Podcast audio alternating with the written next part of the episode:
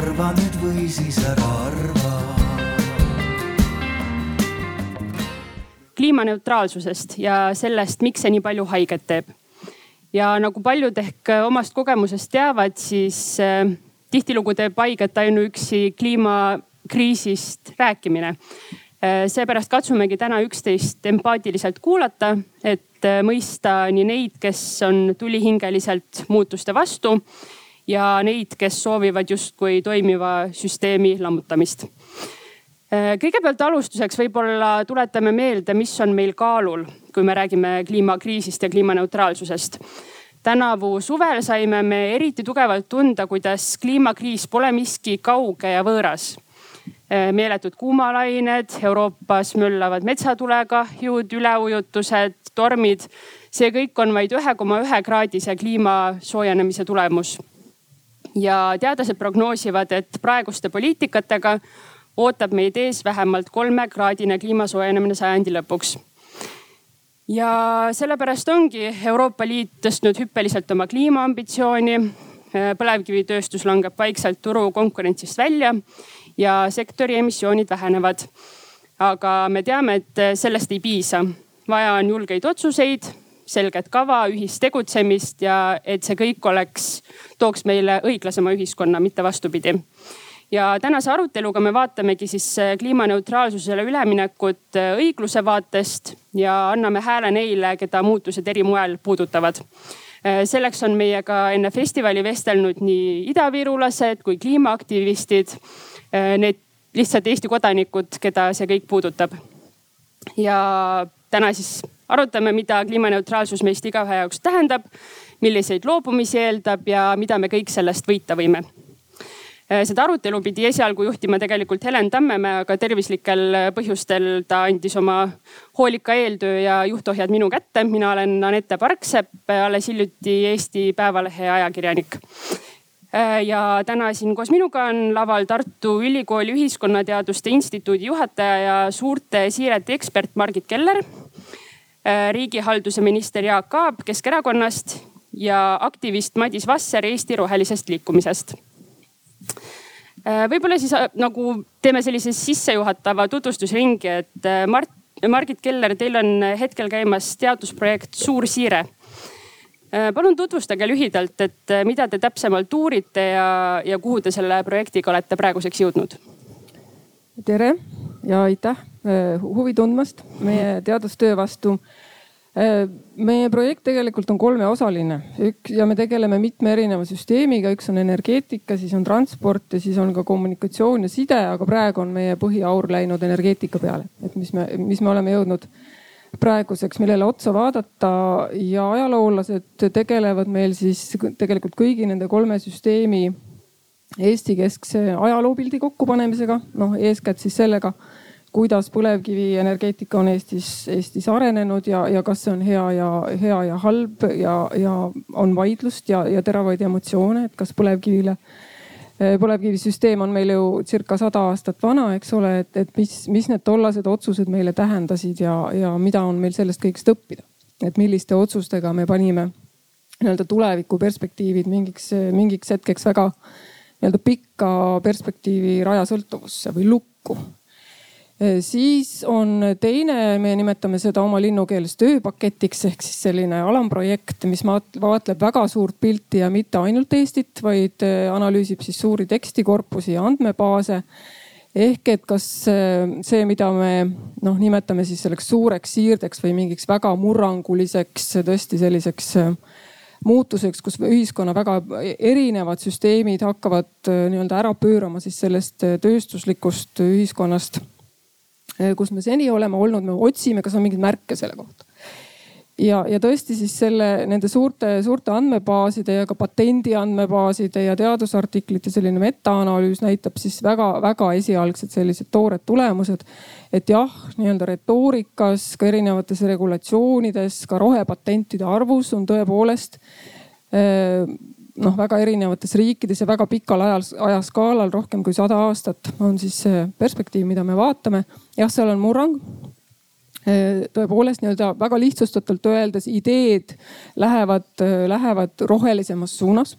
küll aga ressursikasutus ehk meie tegelik käitumine, see tormab ikka, ikka üles, nii et nii et ilusad ideed ja tegelik käitumine on väga-väga suures lahknevuses, seda näitavad esialgsed tulemused ja kolmas pakett on siis väga-väga nii-öelda praktiline, üritab siis välja mõelda ja ka poliitika tegijaid ja, ja ettevõtjaid siis äh, nõustada ja kaasa mõelda selles, kuidas erinevaid süsteeme nihutada, pöörata. ja, ja pärast võib sellest natuke pikemalt rääkida, aga me oleme praegu valmis saanud siis ühe ekspertküsitluse, kus me erineva, üle saja Eesti erineva valdkonna eksperdi küsisime, et mida siis meie energeetikasüsteemiga pihta hakata, milliseid erinevaid sekkumisi teha ma praegu detaili ei läheks et, et selle tulemused on meil siis värskelt, värskelt laual ja noh, mingisugune pilt, mida väga targad inimesed, kes energeetikast midagi teavad, mis nad siis arvavad, et võiks, kuhu, mis on realistlik ja mis on Eestis tehtav. aga noh, sellest võib-olla natuke hiljem mm. -hmm. Jaak Aab, äh, Margit siin ütles, et me teeme suuri sõnu, aga tegusid mitte. et äh, kas teie usute, et Euroopa Liidu eesmärk saavutada aastaks kaks tuhat viiskümmend süsinikuneutraalne majandus on realistlik? Äh, mina isiklikult äh, arvan, et see on realistlik. Äh, see vajab kõva pingutamist. meie oleme üks osa sellest. võib-olla meile ta on ühtepidi raske selles mõttes, et meil on see põlevkivitööstus. On teatud regioon, kes on sõltunud nendest töökohtadest ja sellest toodangust ka Eesti on saanud muidugi ju oma majandusse suure osa energeetikatööstusest ja, ja heaolusse ka maksude näol. aga ma tahan ühte asja öelda, et äh, kui tundub, et äh, praegu alles hakkas mingi üleminek, siis pole kaugeltki nii. kui me võtame kasvõi põlevkivitööstuse, kaheksakümnendate lõpus töötas seal kaheksateist tuhat inimest. viimased kolm aastat on stabiliseerunud kuue tuhande inimese peale umbes. et äh, see on juba kolm korda vähem, nii et juba vahepeal on need inimesed pidanud kuskile üle minema, arvestame seda. Ja, ja teistpidi noh, ütleme, et ka riik, Eesti riik alati oleks saanud teha rohkem. kaks tuhat viisteist algatati Ida-Virumaa tegevuskava. Ja noh, me oleme mõõtnud seda, et kuskil viie aastaga on kakssada viiskümmend miljonit äh, investeeritud Ida-Virumaale riiklike programmide, meetmetega ja Euroopa rahadega ja, ja nende toel on loodud kuskil tööstusparkidega näiteks või siis ka Ida-Virumaa programmiga kokku tuhat viissada uut töökohta. teised sektorid, ettevõtjad ilma riigi toeta on loonud veel umbes tuhat viissada töökohta. muidugi töökohti on ka kadunud, mitte ainult põlevkivitööstuses, ka teistes sektorites. aga igal juhul uusi töökohti on juurde tulnud ja viimase kahe aastaga, mis on nagu veidi lohutav number, kus me näeme, et see eh, muu tööstuse ja ettevõtete tulek Ida-Virumaale on tõesti hakanud toimima Ida-Virumaal on töötus kasvanud äh, kaks korda aeglasemalt kui mujal Eestis. ta on tõsi, Eesti kõrgeim, aga ta on kasvanud kaks korda aeglasemalt kui Eesti keskmine töötus. Äh, Madis, sinu arvamusartiklid ja kolumnid paistavad oma otsekohesuse poolest äh, silma. millised on lühidalt peamised müüdid, mis siinses mõtteruumis kliimaneutraalsuse kohta levivad? No neid müüte on palju, aga ma mõtlesin selle küsimuse peale, siis ma valisin välja sellised, mis võib-olla on siis kõige valusamad, kui pealkirja vaadata. või, või kuidagi seotud kõige rohkem sihukese õigluse küsimusega või õigluse tundega. Äh, esimene neist on kindlasti see müüt, et äh, justkui meil oleks aega hästi palju. et see kaks tuhat viiskümmend eesmärk, mis Euroopa Liidul on seatud, on kolmekümne aasta pärast.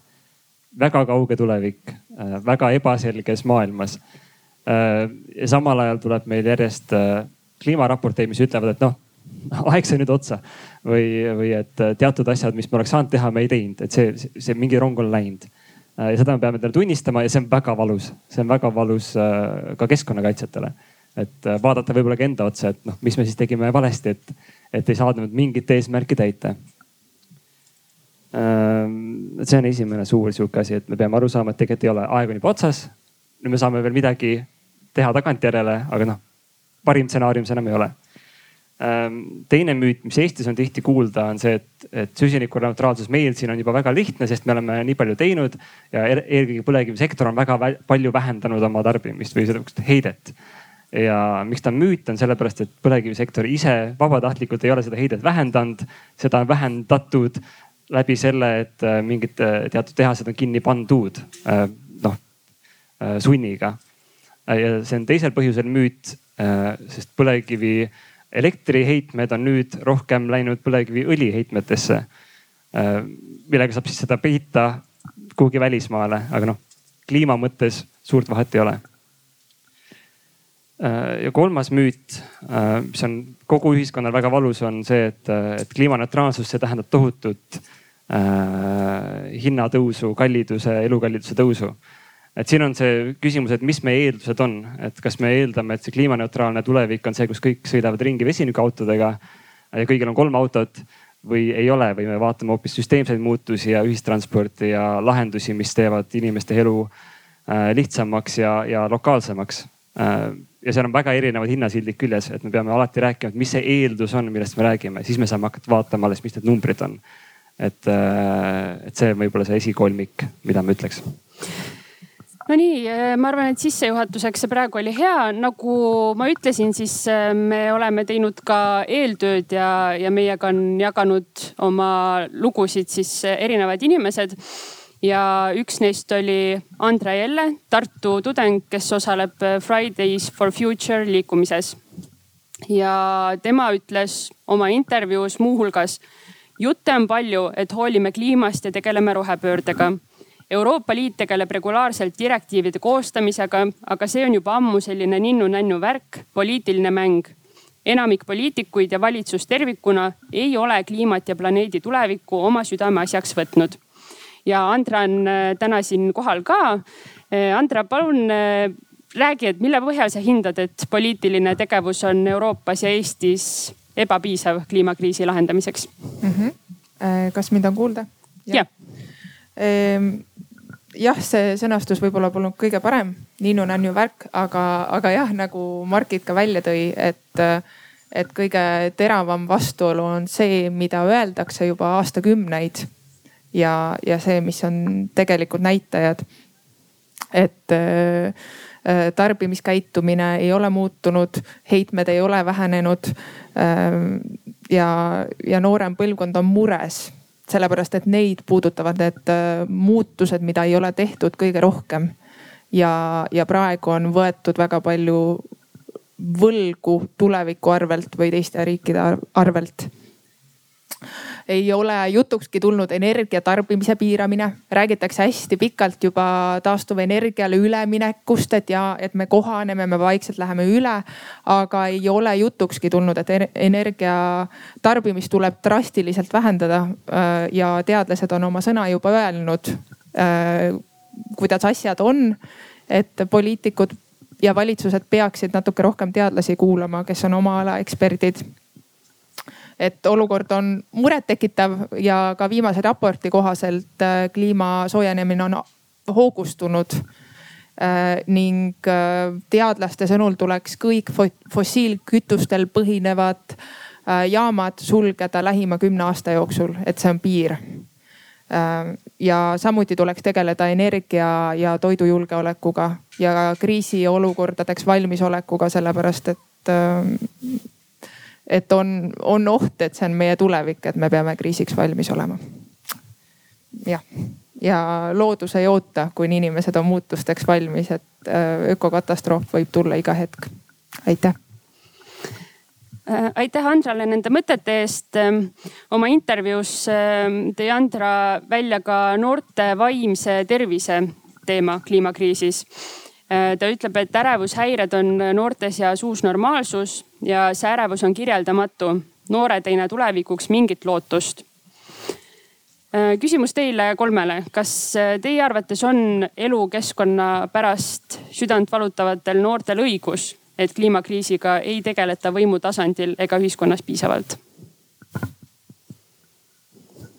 no kui, kui noored nii tunnevad, selles mõttes, et see on väga-väga selline emotsionaalne ja, ja, ja südamesse minev teema, et me ei saa, me ei saa öelda, et inimese emotsioon on vale. kui on hirm on ärevus või on mingisugune jõuetuse ja võimetuse tunne, siis, siis see on nende inimeste jaoks reaalsus, kes niimoodi tunnevad.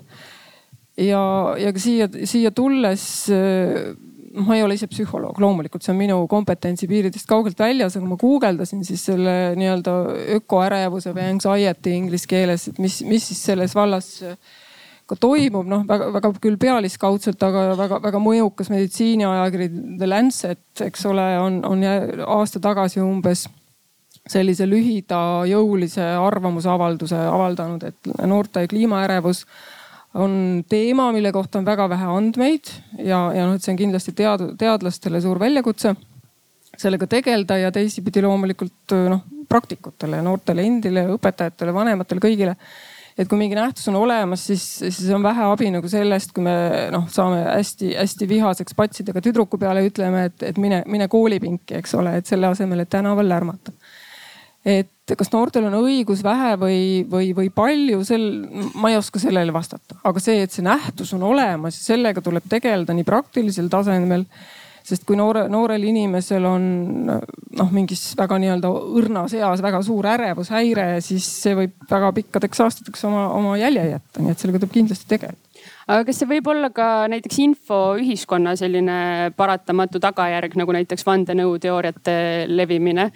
et me lihtsalt saame seda infot nii palju kogu aeg peale, et, et sellest tekib see või, või on see ikkagi nagu selge mingisugune tu tuumakam hirm? ma võin vastata nii palju, et äh, no mina olen magistrikraadiga psühholoog kogemata äh,. ja kui ma loen ökoärevuse kohta ja otsin seda kuskilt äh, diagnooside raamatutest, siis seda tihti ei leia sealt ja seda põhjusel, et, et see ei ole põhjendamatu ärevus, et see ongi põhjendatud ärevus vastavalt sellele, et mida me keskkonna kohta järjest rohkem teame aga ma olen Jaaguga nõus, et äh, riik on ju pannud siia nendesse küsimustesse raha sisse ja mingid projektid järjest liiguvad. aga ma arvan, et miks noored on ärevad, on see, et nad näevad ikkagi, mis toimub päevapoliitikas, et kui meil on mingi projekt, no ütleme näiteks õlitehas, mis vaieldamatult ei ole kliimale kasulik äh, aga seda ikka nagu tänasel päeval veel nagu surutakse läbi äh, et see tekitab küsimuse, et oota, aga me ju teame seda, need teadlased ju, keda kõik kutsuvad kuulama, ütlevad, et, et see ei ole keskkonna mõttes mõistlik, aga me ikka teeme seda, et seal on see kuidagi ebakõla, et, et kas me siis teeme rohepööret või me teeme mingit muud asja? et äh, ma mõistan seda ärevust, ma mõistan äh,, sest need uudised, mis iga päev tulevad ju meile kõrvu ette, mida siin ka ette loeti äh,. ma usun, et see ei ole ainult noorte mure, noh, see on kõigi inimeste mure tegelikult noored võib-olla muretsevad rohkem, et neil on jäänud kauem elada. minuealised inimesed tõenäoliselt võib-olla vähem natukene, sest mul on vähem jäänud elada. aga see on niisugune üldpilt. aga kas äh, teatud poliitikad on toiminud? noh, tükk aega näiteks Euroopa Liidu heitkogustega kauplemise süsteem hind püsis suhteliselt paigal, CO2 hind ja kõik arvasid, et nii ilusti lähebki edasi. noh, ma arvan, et just need tööstused või kes toimisid ja kes pidid seda maksma. ja nüüd on ta hüpanud. kes peaks olema need eksperdid, kes seda ja... peaks hindama ja oskama ette ennustada? aga keegi ei osanud ette ennustada. mulle tundub, et keegi ei olnud nii tark, et ette ennustada, et see tõuseb nii kiiresti. noh, kui see loodi, see süsteem, siis loodeti, siis ta püsis natuke aega paigal ja nüüd ta on tõusnud see hind vist pea kolm korda, eks ju, paari aastaga ja, ja arvestades ka neid ettepanekuid, mida Euroopa Komisjon on teinud, tõenäoliselt kasvab veelgi. et see on üks toimiv meede, mis tegelikult mõjutab neid tööstusi, mis heitkoguseid paiskavad. teine asi on poliitika, selle juures iga riik peab valima selle tee ja noh, Eestil on kliimaenergia kava Äh, ei saa öelda ainult, et äh, meid päästab see, et kui me selle põlevkivisektori kiiresti-kiiresti kinni paneme.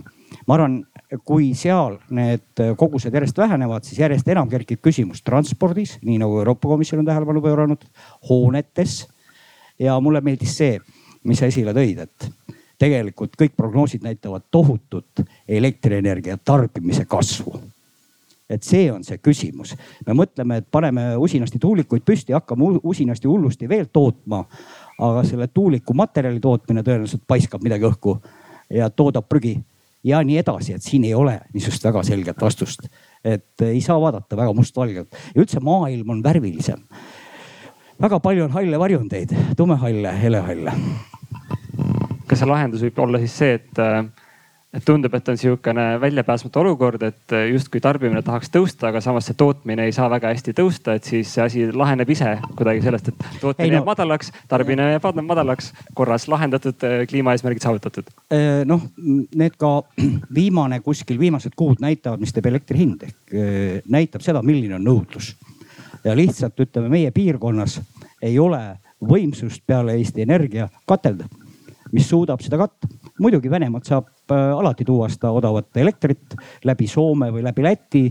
aga seal ei maksta midagi CO2-st et see on nagu ebaaus konkurents tegelikult ja me ei tohiks sellist elektrit siis tarbida.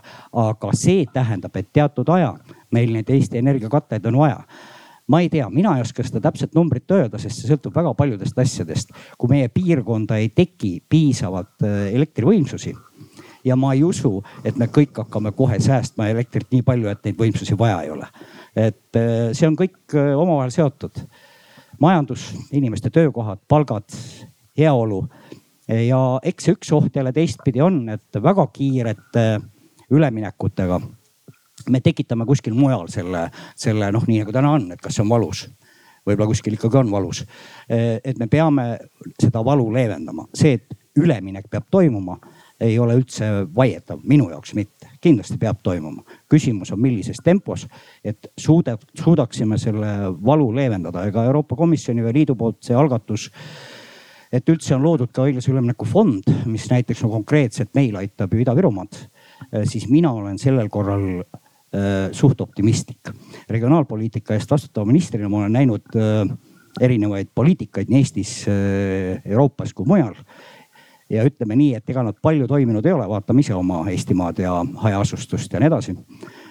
ja oleks saanud palju rohkem ära teha, aga Ida-Virumaale ma arvan, et nutikalt seda raha kasutades, sest arvestage seda, et kõik ütlevad, et noh, Meelis ütleb ka, et mis see kolmsada nelikümmend on, et me oleme panustanud mitu miljardit sinna põlevkivitööstusesse näiteks. aga selle kolmesaja neljakümnele, selle võite korrutada kohe mitu korda. see on see riigiabi, millele lisandub eraettevõtete investeering ja, ja need ideed, see tuleb ju konkurss, aga need töökohad Ida-Virumaale, ma julgen öelda, tulevad täiesti uue tehnoloogia töö, töökohad, rohetöökohad ja, ja, ja see on nagu meeldiv perspektiiv. no võib-olla tuletame vahelduseks korraks jälle meelde, et mis meil siis kaalul on, et, et võib-olla Madis, sina kõige paremini oskad meile teha väikese ülevaate, et kuidas süvenev kliimakriis võib hakata Eesti elanikke mõjutama. et ühest küljest on palju inimesi, kes on mures selle pärast, mida toob see kliimaneutraalsusele üleminek, et see on, see on nende jaoks valus aga on hulk inimesi, kes äh, teavad, et väga valus saab olema ka see, kui me ei tegutse piisavalt kiirelt. et kui suurt osa elanikest äh, kliimakriis Eestis äh, puudutab ja kuidas? no ma usun, et ta puudutab igatühte, aga kui siin see näide oli, et, et see üleminek peab olema sujuv, aga samal ajal juhtuvad asjad, mida me ei oska ette ennustada, siis mille peale võiks veel öelda, et keskkonnaühendused ju juba aastakümneid ütlesid, et noh, et et see muutus tuleb, äh, miks me ei valmistu ette, miks me ootame viimase hetkeni. et äh, minu hirm on, et äh, noh, siin küsimus õiglusest, et kes siis lõpuks on see, kes selle hammasratta vahele jääb. ja praegu mul on taaskord tunne, et see on Ida-Virumaa inimene, kes saab täna võib-olla jälle natukene lootust sellest, et me jätkame nende põlevkiviprojektidega, sest ehk veel tasub ära ja siis tuleb järsult see olukord, kus ta enam ei tasu ära versus võimalus, mis meil on täna, et me teeks seda sujuvat üleminekut, kus me ise otsustame, et noh, ma ei tea, järgmise kümnendi jooksul me ühte asja teeme vähem ja siis sinna kõrvale tulevad need teised asjad, mis ma usun, et tulevad. aga, aga et see üleminek ei saa toimuda niimoodi, et tekib kuskilt see uus tööstus või, või töökohad. Äh, need ehitatakse üles ilma inimesteta ja siis järsku tekib see nagu kolimine ühest sektorist teise, et see peab olema sujuvam ja niikaua, kui me vana süsteemi äh, jätkuvalt nagu uute tehastega näiteks äh, üleval hoiame, siis lõpuks see tavaline inimene on see, kes leiab ennast ühel hetkel, et nüüd ma pean minema uuele töökohale, aga ma ei ole veel treeningi uueks töökohaks. ja see saab olema ebaõiglane ja valus korraks pean siiski ütlema, et see ei ole väga lihtne, et teeme ühe tehase ja kõik.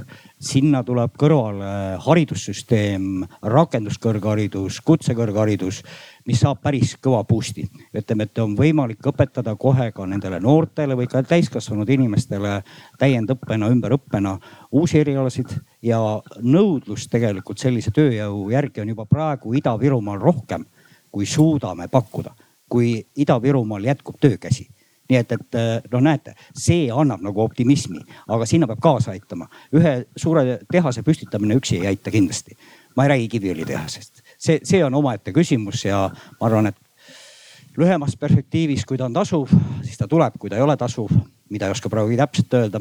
ehk saame teada kakskümmend kolm, kas ta tasub või ei tasu. Minu meelest on ka see küsimuse püstitus, et keda, keda kliimakriis puudutab. noh, et äh, see on, see on täiesti vale püstitus. loomulikult see puudutab meid kõiki, eks ole. Et me kipume siin oma Eesti debattides hästi ka sellesse Ida-Virumaasse kinni jääma, et, et see on Ida-Virumaa probleem. jah, loomulikult kõige suurem jalajälg on seni tulnud põlevkivienergeetikast ja Ida-Virumaa on väga kompleksne probleem, noh nii-öelda kultuuriline ja, ja identiteedi ja kogukonna ja mis iganes probleem. see ei ole ju ainult, ainult see, et noh, kogu, kui me taandame selle debati ainult sellele, et kes kaotab töö ja, ja millega me selle töökoha asendame, siis me, siis me kuidagi nagu marginaliseerime või, või alavääristame kogu selle problemaatika keerulisust ja ka Ida-Viru inimest, et ega, ega ta siis ju ka ainult sellest tööst ei ela, et kogu see kogu selle piirkonna niisugune terviklik arendamine, et see, see on nagu üks teema. ja teine on kindlasti see, noh, mida me ka oma projektis püüame vaadata, siis noh, on nii-öelda süsteemne lähenemine, et, et siin tänastes debattides, mida ma kuulamas käisin, väga palju kiputakse noh vastandama või küsima, et kumb siis peab selle asja nagu kinni maksma või ära tegema, kas tarbija või tootja. noh, me ei saa nii küsida, mõlemad teevad, et kogu selle muutuse sisu seisneb ju selle noh, nende mõlema nii-öelda dünaamikas või selles, selles koosmõjus, et, et noh, ja selleks, selleks paratamatult meil ei ole paremaid institutsioone kui ilmselt ikkagi need, kes meid valitsevad ja, ja samas ka need, need inimesed, kes siis kes valivad ja kes võiksid ka olla noh, väga palju aktiivsemad kui seni nii-öelda rääkimaks kaasa kõikvõimalike otsuste tegemises nii kohaliku omavalitsuse kui kogukonna tasandil, et seal on, seal on meil kindlasti väga suur arenguruum, sellepärast et see õiglus või valu, millest me räägime, see ei ole ainult see, et kes kaotab töö või mitte või kui palju elekter maksab, vaid see noh teaduskirjanduses nimetatakse seda ka niisuguseks protseduuri õigluseks. et kas kõik need, kes, keda see, see otsus hakkab puudutama mis iganes vallas, kas nad saavad, kui nad seda soovivad, kaasa rääkida. et minu kolleegid on teinud ühe, ühe niisuguse väikese meediaanalüüsi Ida-Viru äh, kohalikust ja ka üleriigilisest, äh, tähendab Ida-Viru teemadel ja rohepöörde teemadel venekeelsest meediast Eestis. Ja nad analüüsisid läbi, kui ma nüüd ei eksi, kakssada kuuskümmend üheksa artiklit ja seal on siis nendel teemadel otse tsiteeritud või nii-öelda sõna antud üle saja korra ametnikele ja üle saja korra kõikvõimalikele ettevõtjatele. aga Ida-Viru venekeelsed kaevurid, kellest me siin kogu aeg räägime, et tema on see, kes seda valu kõige rohkem peab taluma. Need kaevurid said otse tsitaadina sõna selles valimis kolm korda noh, see on pikk ja keeruline meediateoreetiline debatt, miks see nii on, et sellesse kõigesse ma, ma ei lasku, aga see on suhteliselt kõnekas pilt, et kas nendel inimestel on hääl. ja noh, see kindlasti ma ei taha öelda, et see on poliitikute süü, et neil ei ole häält, see on samamoodi meedia või, või, või kaevurite või kelle iganes süü, et noh, otsida süüdlast on, on mõttetu, aga küsimus, küsimus sellest, et kuidas saaks teisiti. Et erinevad osapooled ikkagi noh, selles debatis püüaks vähemasti kaasa rääkida, kaasa otsustada. No aga tulemegi korraks Ida-Virumaalt äh, laiemaks, noh et, et nagu me siin äh, kokku leppisime, et kliimakriis puudutab äh, iga eestimaalast, et, äh, et aga, et mis need äh, valdkonnad on, et kuidas see meid äh, kõiki puudutab, et noh, ma ei tea, sellel suvel me kõik tundsime, et hästi palav ja ebamugav ja vastik on olla põllumehed ilmselt mõtlevad selle peale, kuidas nad äh, saaksid tulevikus endiselt saaki, peavad äh, katsetama mingisuguste uute viljasortide ja asjadega. et äh, mis on need teised valdkonnad, mille pärast tavalised eestimaalased muret peavad tundma praegu? no olles, olles käies ringi siin erinevatel aruteludel, siis noh, kõik need teemad on mingil moel siin kaetud, et kus räägiti süvitsi toidusüsteemidest, kus süvitsi transpordisüsteemidest kus süvitsi prügimajandusest, et nad kõik need on need äh, valdkonnad, mis on seal äh, heitmete graafikul olemas, on ju, et mida me peame kuidagi hakkama vähendama. ja tihti tuuakse lahenduseks, et on innovatsioon ja on lihtsalt äh, rohkem rahastust ja siis kuidagi laheneb. aga mulle tundub, et see on, see on pagana keeruline niipidi teha, sest et äh, jah nagu see lähteülesanne, et me peame lahendama keskkonnakriisi ja kasvatame majandust. aga ka TalTechis on professorid, kes ütlevad, noh, et need mõlemad ei ole tehtav. et vali üks või vali teine, aga mõlemat ei saa. ja kui me valime selle rohepöörde ilma majanduskasvuta, siis just eelmine arutelu oli seal Rohetiigri alal, mis oligi, et aga mis see alternatiivne majandusmudel üldse on ja korraks Ida-Virumaal hüpates. Nemad on seal ka kohalikul tasandil väljendanud seda, et, et neil on see juba reaalne nagu praktiline küsimus, et neil on maakond, kus kunagi oli noh, sada viiskümmend tuhat inimest, kui ma ei eksi ja nüüd on oluliselt vähem. Et kuidas nad saavad hakkama selle ülikonnaga, mis on liiga suur, et neil on vaja selle jaoks uut mudelit ja, ja võib-olla see on üle Eesti sihukene küsimus, et, et jällegi ühes teises arutelus toodi välja, et, et võib-olla see on see Eesti edumudel, mida müüa maailmale, et vaadake, et me ei ole kolmekümne aasta jooksul rahvaarvu kasvatanud ja õpetame teistele ka, et noh, ja see on ka see ülemineku mm, küsimus, et kas see üleminek ise saab olla meie jaoks sihukene äh, järgmine nagu innovatsiooni objekt ise, et kuidas meie teeme seda edukalt ja siis õpetame teistele ka. Äh, aga see oli väga ähmane vastus et ma võtan sõnasabast kinni, ikka läksime Ida-Virumaale onju mm, -hmm. aga, aga noh, jälle, et mis me teinud oleme, no tükk aega keegi ei tahtnud, tahtnud tegeleda pooltühjade kortermajadega, mis ongi selle tagajärg, et kahanevad piirkonnad. Aga jälle siin ei ole ainult ka valitsuse asi, arhitektide punt võttis näiteks sellise idee, et teeme nendesse väiksematesse keskustesse, maakonnakeskustesse, veel väiksematesse keskustesse äh, sellised kenad keskväljakud, et toome selle elu sinna linna keskele tagasi, mis oli magalatesse nagu laiali läinud, kus hakkasid majad pooltühjaks jääma. Äh, kui te olete nüüd Eestis ringi liikunud, siis te näete neid häid äh, näiteid, kus siis sinna kesklinna tulebki elu tagasi, sinna tulevad ärid ja kohvikud ja inimesed ja, ja see ongi see mudel, et me peamegi ka kohanema sellega, et elanikkond kuskil piirkonnas väheneb nii et, et eh, kui, kui me vanasti kohalikud omavalitsused mõni aeg tagasi tegid selliseid eh, planeeringuid, kus nad planeerisidki neid magalaid, et neil kogu aeg kasvab elanikkond, isegi siis, kui ta juba kahanes üheksakümnendatel. et eh, nüüd on aru saadud, et nüüd tuleb teine vaade. Ja tulebki planeerida ka seda elu seal kohapeal noh, mõnes mõttes säästlikult, eks ju, ja paremini aga, aga mis puudutab jah transporti, ma ei taha küll uut jälle bensiini tulle valada. ehk siis just fossiilsete kütustega sõitvad autod ehk siis bensiini ja diisliautod, nagu te teate, selle paketi kohaselt äh, mingil hetkel peavad lõpetama, teatud autotootjad on juba öelnud, et mis aastast nad enam üldse uusi selliseid välja ei lase, mis suurendab jälle elektritarbimist kusjuures Eh, mida, kuidas seda toota, on omaette ooper jälle. ja aga, aga mida kardab nüüd tavainimene, eh, on see, et hüppeliselt tõusevad eh, siis hinnad ka nendele kütustele. ja, ja, ja noh, et kui transpordile praegu tahetakse ka CO2 siis kauplemissüsteemi laiendada. ehk põhiliselt mina saan nii aru, et maaletoojad hakkavad maksma selle eest mingi ühiku eest ka CO2 kvooti Eh, eh, nemad võtavad selle hinna tarbija käest ja, ja siis lahendused mulle tundub praegu Euroopa Liidu poolt on ka vähe sellised äh, naiivsed. et äh, kas siis antakse raha elektriautode ostmiseks vaestele peredele, on kõlanud läbi selline asi no mis võib ju kuskil maal aidata, aga ma arvan, et see ei ole võluvits. või siis teine, et maksame sotsiaaltoetustega kinni ja isegi on räägitud summadest, aga näiteks Eesti Eestile tähendaks see kuskil kaheksa aasta jooksul seitsekümmend kaks miljonit eurot.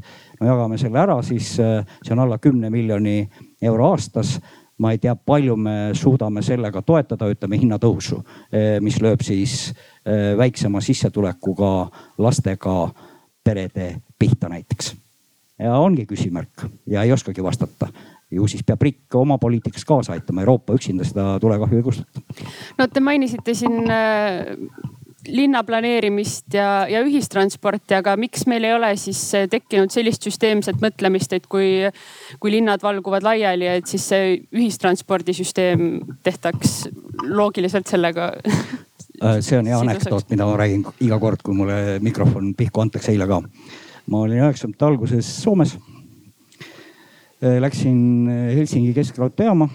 mul oli vaja sõita kakssada viiskümmend kilomeetrit, kakssada rongiga ja viiskümmend bussiga päris sinna kaugele hajaasustusse. seal ma ostsin ühe pileti, sõitsin see kakssada kilomeetrit rongiga, seal ootas buss mind ja viis ülejäänud viiskümmend kilomeetrit edasi.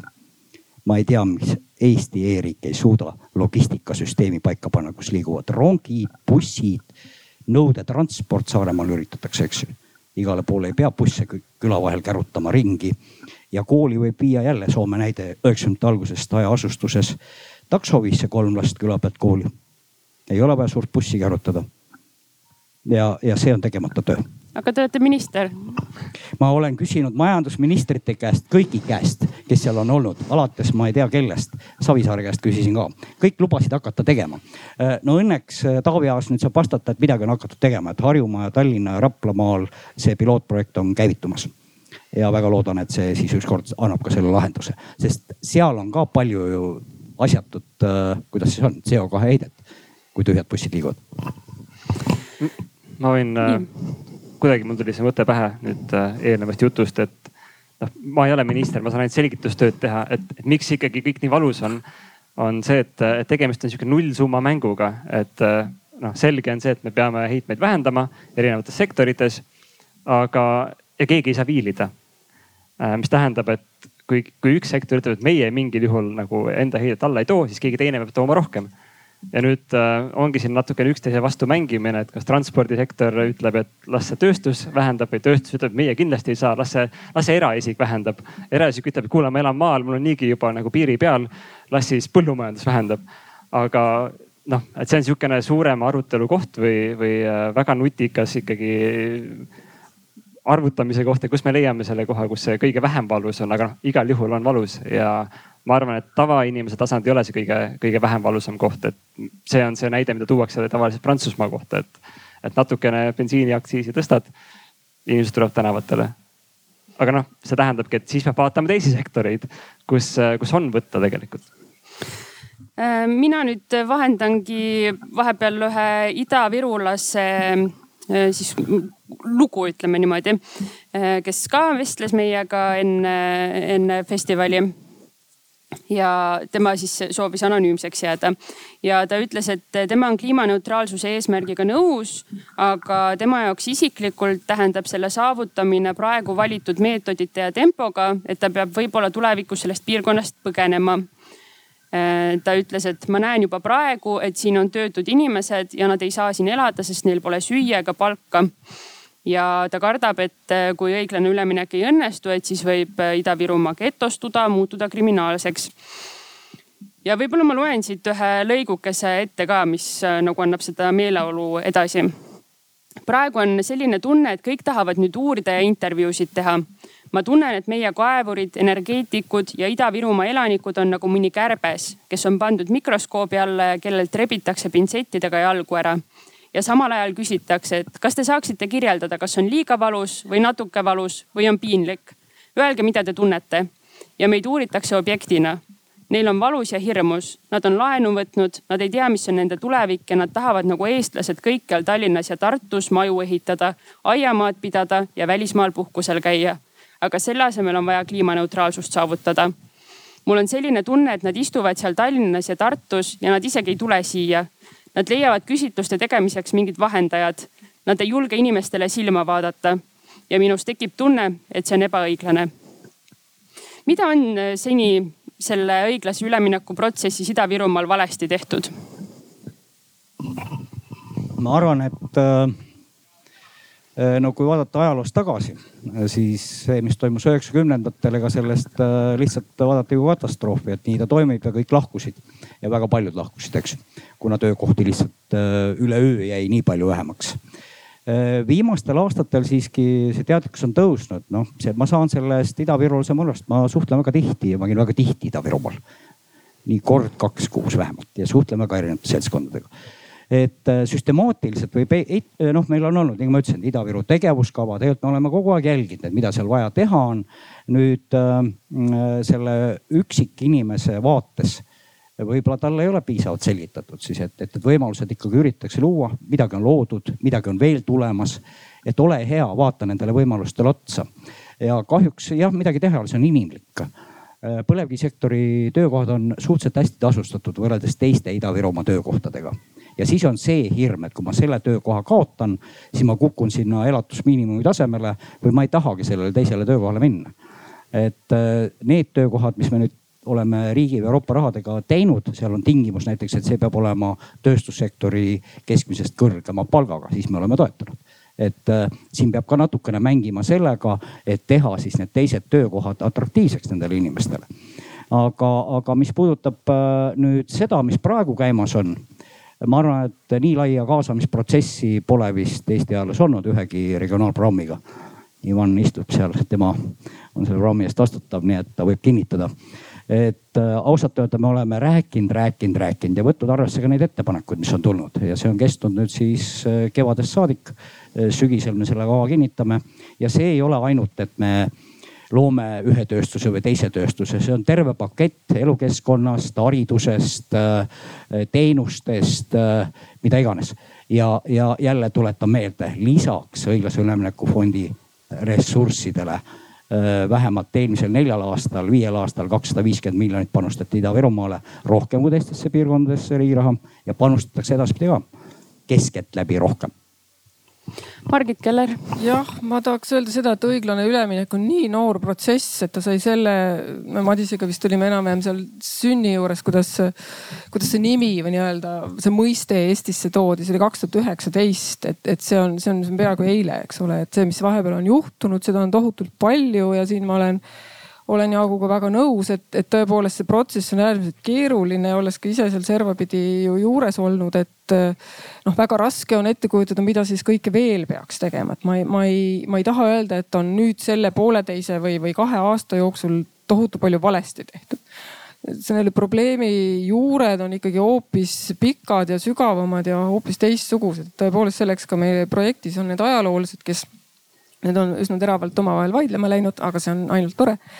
et, et tõepoolest kogu see, kogu see Ida-Virumaa ajalugu ja, ja mitte ainult see, mis juhtus nõukogude ajal, vaid, vaid ka juba ennem seda, eks ole, et milliseid otsuseid siis tehti ja, ja, ja kuidas need tööstused püsti pandi ja millised inimesed kutsuti sinna piirkonda elama ja, ja kuidas nad on seal toimetanud ja mismoodi on, on see ka muu Eestis silmis olnud suhteline enklaav ja kuidas see on kõigile muule Eestile olnud väga kasulik, et see on niisugune enklaav et, et see on ikkagi jah, selline kogu, kogu Eesti mure ja, ja see, et me oleme nüüd viimase pooleteise aasta jooksul tohutu palju valesti teinud ja peaks hakkama vigu parandama, noh, ma arvan, et et me siis nüüd püüame, et see on nagu suur, suur äratuskell, aga mida kindlasti ma, ma julgeks ja tahaks loota, on noh, sellist nagu natuke radikaalsemat või, või, või julgemat julgemat sellist kaugema tuleviku visioneerimist, sest väga paljud debatid jäävad ikkagi jah, õigustatult ja inimlikult selle tänase, tänase mure ja töökoha taha kinni.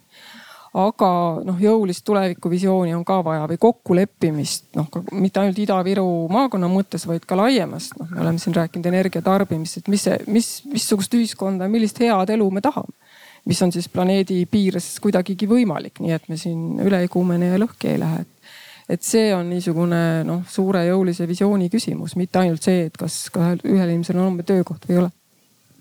no ma ütleks, et suurim viga on see, et seda protsessi ei alustatud kakskümmend aastat tagasi, vaid, vaid noh, ongi paar, kaks aastat tagasi. Äh, nüüd see plaan tõesti on olemas. Äh, ka minu Euroopa kolleegid ütlevad, et Eesti plaan on täitsa viisakas et võrreldes teiste riikide omadega. Äh, aga edaspidi me võiksime õppida sellest, et, et tõesti, kui sa pressid selle protsessi nii lühikese aja peale, siis noh, inimesed on juba kurnatud nagu nendest eelnevatest pikkadest lubadustest ja aruteludest. ja nüüd tõesti, ma olen nõus, noh umbes iga nädal tuleb jälle üks uurimisprotsess, mis tahab uurida idavirumaalasi, et kuidas neil läheb, mis tunne on, kui valus on, et see on, see ongi see, mis seal praegu toimub. et kuidas me saaks seda hajutada ja näiteks noh, põlevkiviga läks nüüd nii nagu läks, teeme seda kiirkorras, loodame, et läheb hästi, ei tea aga noh, vaadates kliimaneutraalselt laiemalt on ilmselge näiteks, et järgmine suur sektor on metsandus, kus jällegi tuleb ka teha mingisugust muutust, üleminekut. seal siis saab võib-olla Võrumaa kõige rohkem nagu seda fookust. et kas me saame alustada protsessi juba täna, mitte kolme aasta pärast, kui on hästi kiire jälle, tuleb kiirelt nagu leida nagu tänastele metsameestele uued töökohad, sest nagu probleemid on täpselt samad, et näed, kõrgepalgalised töökohad, muud teha ei ole selles piirkonnas. mis nüüd saab, ei ole võimalik muutust teha, et noh, õpime sellest äh, esimesest protsessist, et, et Ida-Virumaa on meile suunanäitaja nii mitmes mõttes, et äh, jah. Äh, no üks asi, mida Eesti on päris tõsiselt äh,, alati oleks saanud paremini teha. Äh, näiteks siin heit, heitkogustes või ütleme kasvuhoonegaaside heites räägitakse ka ju äh, lihtsalt hoonetest äh,, mis vajavad äh, tõsiselt rekonstrueerimist energiasäästu mõttes. Eesti siin on tegelikult pannud, kui võrrelda nüüd umbes sama saatusega riikidega, siis me oleme panustanud päris hästi. ja, ja me ka järgmisest Euroopa Liidu rahast oleme planeerinud tegelikult toetustena seitsekümmend miljonit. sinna lisandub siis omaosalus, pangalaenud ja nii edasi aastas. see tähendab siis, et üle saja miljoni puhtalt korterelamutesse panustatakse energiasäästu, lisaks ka ettevõtete energiasääst. et selles suunas, ma arvan, me oleme just parasjagu õigel ajal hakanud liikuma. meil on kujunenud välja see turg, need ettevõtjad, kes suudavad seda tööd teha ja, ja see läheb päris hea tempoga, nii et vähemalt üks pluss ka julgeksin öelda ma loen vahepeal ähm, väikese väljavõtte veel ühest intervjuust. muideks need äh, intervjuud on olemas äh, veebilehel kliimamuutused.ee, nii et siis sealt saate neid vaadata. aga seal äh, jagas oma mõtteid ka riigikogu liige ja Kohtla-Järve linnavolikogu liige Eduard Odinets kes ütles, et enne kui me midagi väga tõsist ette võtame, peame pakkuma inimestele alternatiivse lahenduse me peame ütlema, mis saab nende elust kahe, kolme, viie, kümne, viieteistkümne aasta pärast. see, mida praegune valitsus on välja kuulutanud, et aastal kaks tuhat kolmkümmend viis paneme need asjad kinni, aastal kaks tuhat nelikümmend paneme need asjad kinni, need on väga kindlad kuupäevad. kõik, finito, elage sellega. aga mitte keegi ei räägi sellest, mis asemele tuleb ma nägin väga hästi, mis juhtus minu isa ja emaga, kui Ahtmes pandi kaevandus kinni ja nad korraga kaotasid töö ja ma ei taha näha samasugust keerulist olukorda oma venna peres ja tema laste peal, nagu oli meil oma peres, minul, mu vennal. ja oligi väga keeruline, ei olnudki midagi süüa, väga raske oli. meil oligi nii, et meil töötasid samas kaevanduses ema, isa, ema vend, ema isa ja nad kõik jäid korraga tööta miks ei usu Ida-Virumaa inimesed, et nende tulevik õiglasest üleminekust paremaks muutub?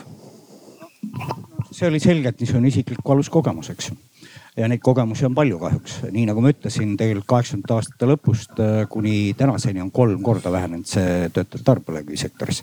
Äh, kõige suurem vähenemine toimus üheksakümnendatel juba ära. et äh, see ei ole viimaste aastate valu, see on nagu pikalt olnud valu ja, ja, ja see on võib-olla tekitanudki sellise lootusetu tunde, et tuleb jälle mingisugune mõjur, nagu on mingi CO2 näiteks äh, hinnatõus, mis mõjutab seda, et elektrit toota ei saa seal äh, selles elektrijaamas. järelikult ei kaevanda ka nii palju. või nafta hinna langus. või nafta hinna langus, eks ju, ja, ja aga noh, eks siin tuleb julgustada, ma arvan küll, et väga raske on ütleme siis äh, noh, kuidas seda öelda siis pensionieelses eas inimestel hakata tegema suurt muutust ja vaatama nende töökohtade poole, mis tulema, aga uskuge mind, Ida-Virumaal on praegu olukord, kus teatud ettevõtjad tikutulega otsivad töötajaid taga et kuidas viia kokku läbi ümberõppe, täiendõppe, ma ei tea, teatud toetuste see ettevõtja, kes vajab tööd ja see, kes on kaotanud töö. nii et äh, mina, mina usun sellesse, et me suudame seda teha, see vajab pingutusi, see vajab väga mitmekülgseid pingutusi. aga see võimalus on olemas. E, ja ma arvan, et noortel need avanevad võimalused, neid pakutakse päris hästi. no näiteks me toetasime Kohtla-Järvele IT-kooli asutamist, mis oli erasektori tegelikult algatus, aga riik toetas ka. ja selliseid algatusi on päris palju, selliseid huvitavaid algatusi, kus me ei räägi nüüd enam põlevkivisektorist ja isegi mitte tööstusest, me võime rääkida startup idest äh, äh, kultuuriinkubaatoritest ja nii edasi, nii et see ei ole nii ühene pilt. ja tihtipeale need inimesed, kes Ida-Virumaast räägivad, pole seal ammu käinud, nad ei tea üldse, mis seal toimub. ja joonistatakse ette, et ongi selline jupe mingi tohutud tööstustuhamäed ja minge vaadake, kui tublid inimesed seal on. see on lihtsalt fantastiline, milliste ideedega nad tulevad ja nüüd on võimalus neid ideid toetada veel rohkem. Äh, Madis, sa tõid kevadel Riigikogu ees peetud äh, kõnes välja Praxise uuringu, mis väidab, et neid äh, põlevkivisektoris hõivatud inimesi, kes põlevkivi järgsel ja mitmekesisema majandusega maakonnas enam tööd ei leiaks, on Ida-Virumaal tegelikult vaid alla tuhande.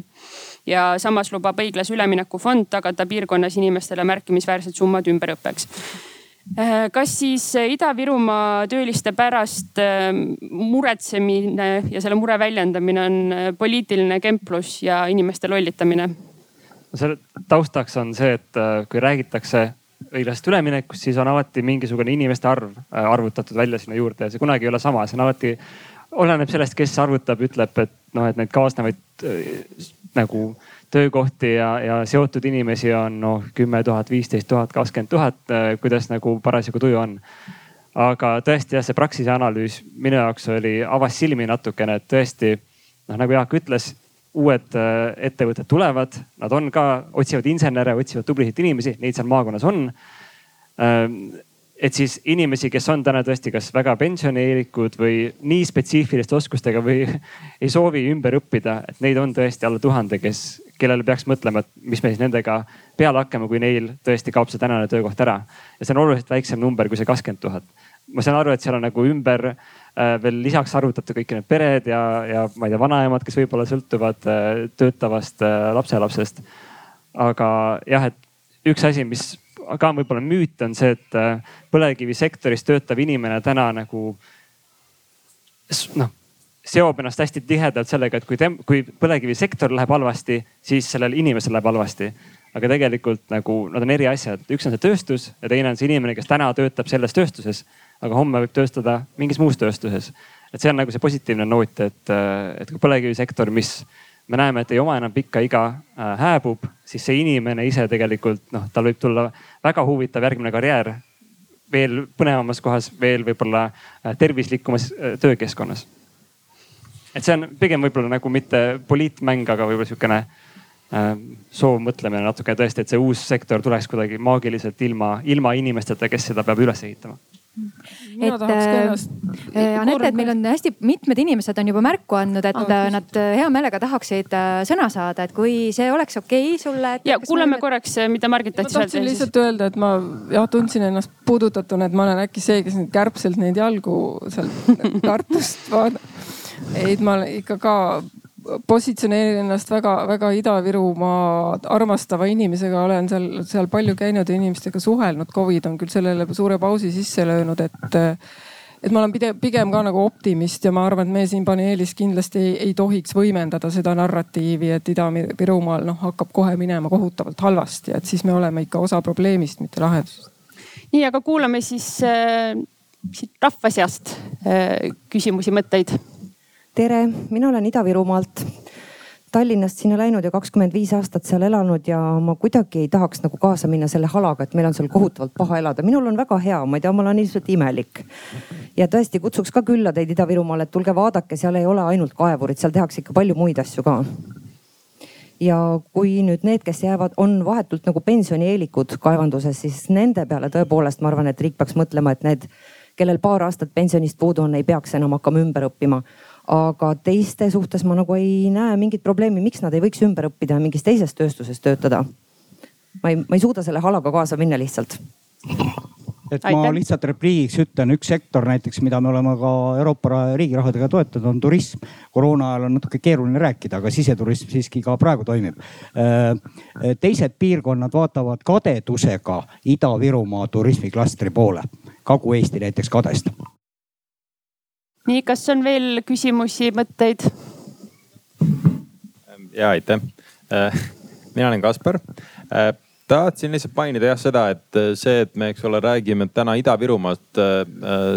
noh, see johtub lihtsalt on ju sellest, et Ida-Virumaal on tugev põlevkivisektor, konkreetselt põlevkivi ehk siis sektor, mis on fossiilne sektor, mis on Euroopa Liidus otsustatud, et, et see peaks tulevikus olema Äh, mitte nii jõuline, kui ta täna on olnud kui me tänases perspektiivis, noh juhul kui näiteks niisugust otsust poleks, siis Ida-Virumaa oleks ülimalt elujõuline.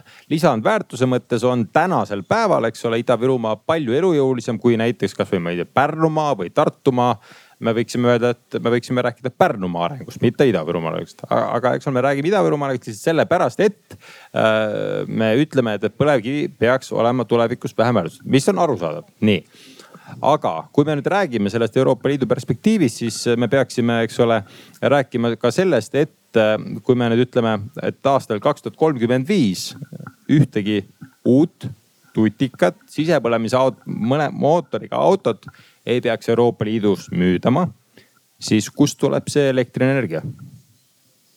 maagilisel moel seinast see ei tule äh, ma ükskord olen äh, võtnud mõned tunnid kodus, löönud kokku selle bilansi, mis oleks siis vaja selleks, et asendada see kogus siis äh, diisli ja bensiini, elektri, äh, siis energiat, eks ole.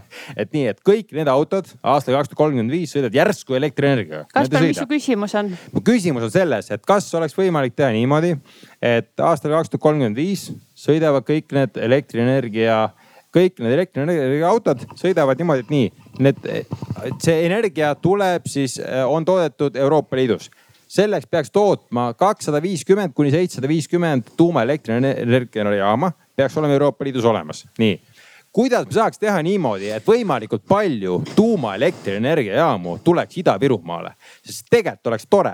ma olen käinud nagu tööstusenergia, et noh, tööstusettevõtetes tänapäevastes nagu Estonian Cell või Saksamaa tööstus, et mis on toredad ettevõtted. lõpeta oma küsimus ja siis me saame vastata edasi minna. küsimus selles, kuidas me saaks teha niimoodi, et võimalikult palju kaasaegset tööstust tuleks tulevikus Ida-Virumaale no sellele viimasele küsimusele ma vastan, et äh, sellele vastabki meie see õiglase ülemineku kava ja, ja ärge vaadake jälle sellele numbrile otsa, mis tundub naljakas, et kolmesaja neljakümne miljoniga nüüd tehakse Ida-Virumaa õnnelikuks. Need on palju suuremad vahendid, mis sinna tulevad, aga see raha ei tee iseenesest midagi. teevad tublid ettevõtjad, äh, kes sinna tahavad panustada ja ka praegused ettevõtjad, kes põlevkivisektoris töötavad, mõtlevad ka ju selle peale, mida uut teha et, et ma ei ole nii pessimistlik, sinna kindlasti tuleb. aga mis puudutab seda kaks tuhat kolmkümmend viis, siis ei tule uusi enam välja need vanad mõni aeg ikka sõidavad veel, aga, aga ka mina näiteks noh, kui võtta Eesti Energia või selle eh, piirkonna energiavarustatuse, mina ei ole saanud vastust eh, ma ei taha, ma ei taha teile tekitada seda halba mekki, et, et, et ei saagi nagu neid eh, põlevkivijaamu kinni panna aga lähiaastatel kahjuks ei saa. miks me oleme reservi need katlad arvestanud? On olnud neid äh, tipuhetki, kust ei ole kuskilt seda elektrit võtta. Ja see on energiavarustuse küsimus Eestil. Äh, ja, ja me oleme küll eesmärgistanud need aastad, kus siis me ei peaks enam põlevkivist elektrit äh, tootma, see on kaks tuhat kolmkümmend viis.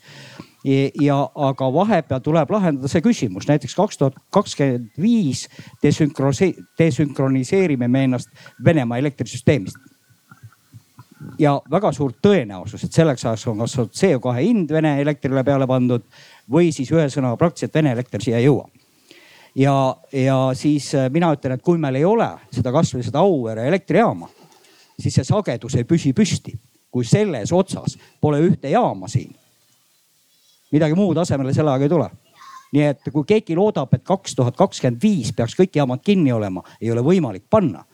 meie elektrisüsteem ei tööta ja millal ta hakkab töötama, milliste võimsuste peal, on sinul tõesti hea küsimus. meil käib debatt ka tuumajaama ümber praegu mina ei tea selles piirkonnas, siin on kaks protsessi. ühelt poolt me paneme fossiilsed elektrijaamad kinni, osa riike paneb tuumajaamad kinni, siis Saksamaa toob Vene gaasi ja hakkab seda põletama. kas see on äh, kliima mõttes kõige targem? nii et, et äh, ega ei tehta kõige targemaid otsuseid siin Euroopas ja mulle ei ole keegi andnud vastust, kes katab selle energiavajaduse, mis on laiem küsimus, kas meil teda nii palju vaja, kas me oskame nii elada, et meil ei oleks teda nii palju vaja väga palju vastamata küsimusi. ja, ja mina ka ei oska. ma jätkan selle vastusega, et, et me peame hakkama õppima vähemaga elama, sest seda tänast tarbimise, ületarbimise taset ei saavutagi äh, rohepöörde tagajärjel äh,. teine vastus on, et tuumajaama ei tule, sest see ei ole reaalselt nagu tõsiseltvõetav projekt Äh,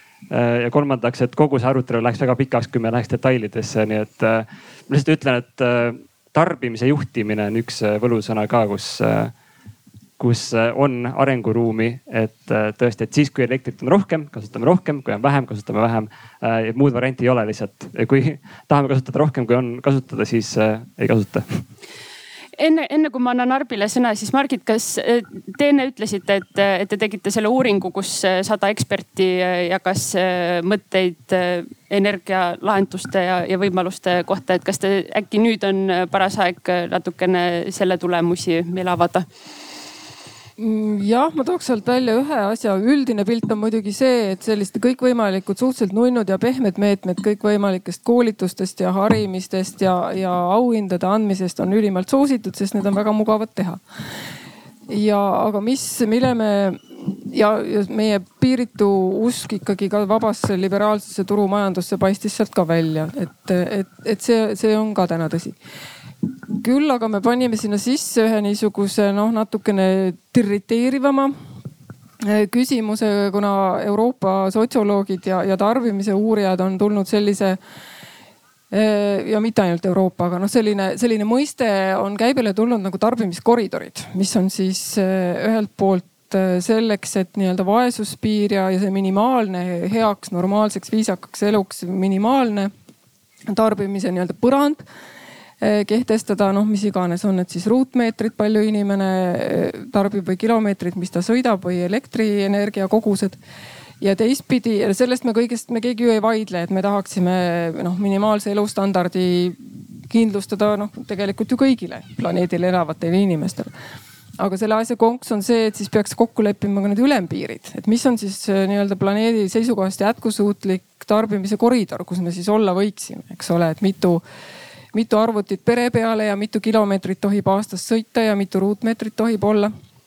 ja loomulikult nagu te arvatagi võite, siis noh, jah, see ei ole esinduslik küsitlus, see on ekspertpaneel, veidi üle saja inimese noh, kaheksakümmend protsenti ütles, et ei, ei, ei sellist asja ei peaks mitte kunagi tegema et noh, see näitab väga selgelt, et igasugune tarbija vabaduse piiramine, olgu selleks kasvõi ühiskondlik kokkulepe, kuhu kõik inimesed on alla kirjutanud, et seda me peame täna äärmiselt ebarealistlikuks. nii et, et see saab olema ikkagi kõige suurem väljakutse, kuidas me tahame kõiki vaesusest välja tuua, aga kuidas, kuidas lage peale panna tarbimisele, et see, see on jah.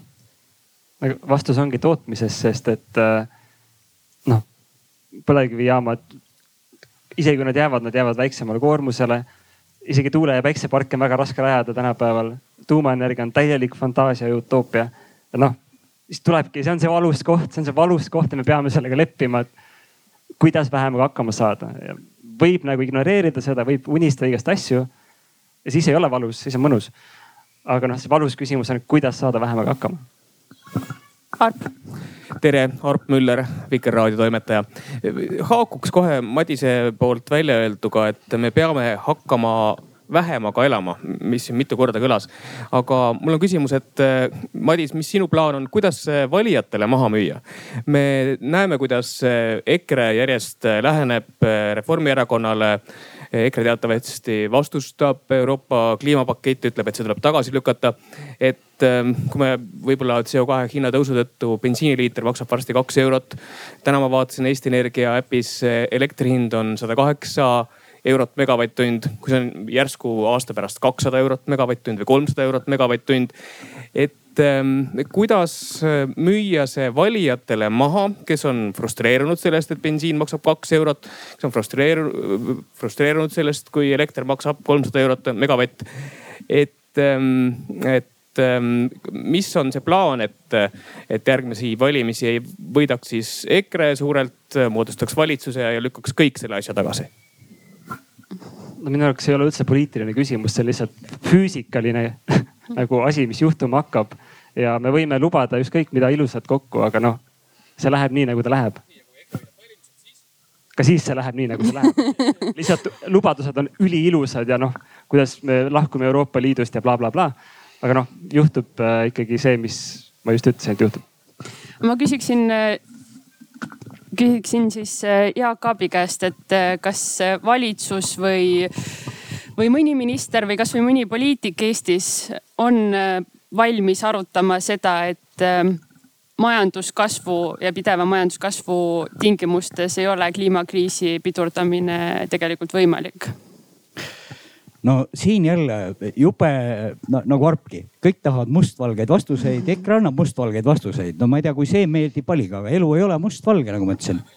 ei, ma, ma räägin, aga elu ei ole mustvalge. ma ei tea, ma arvan, et enamus inimesi saab sellest aru, et äh, on erinevad mõjutajad ja siin tuleb otsida tasakaalu, lihtsalt midagi ei ole teha kuidas me jõuame selleni, et me oleme nõus vähem tarbima äh, või, või mida iganes, me ei suuda prügigagi jõuda sinnamaani, et me suudaks neid äh, korralikult, äh, eks ju, no rääkimata kogu ketist nii edasi, et me ei suuda seda, aastaid oleme üritanud teha ja ei suuda sinnamaale jõuda, et seda mõistlikult korraldada.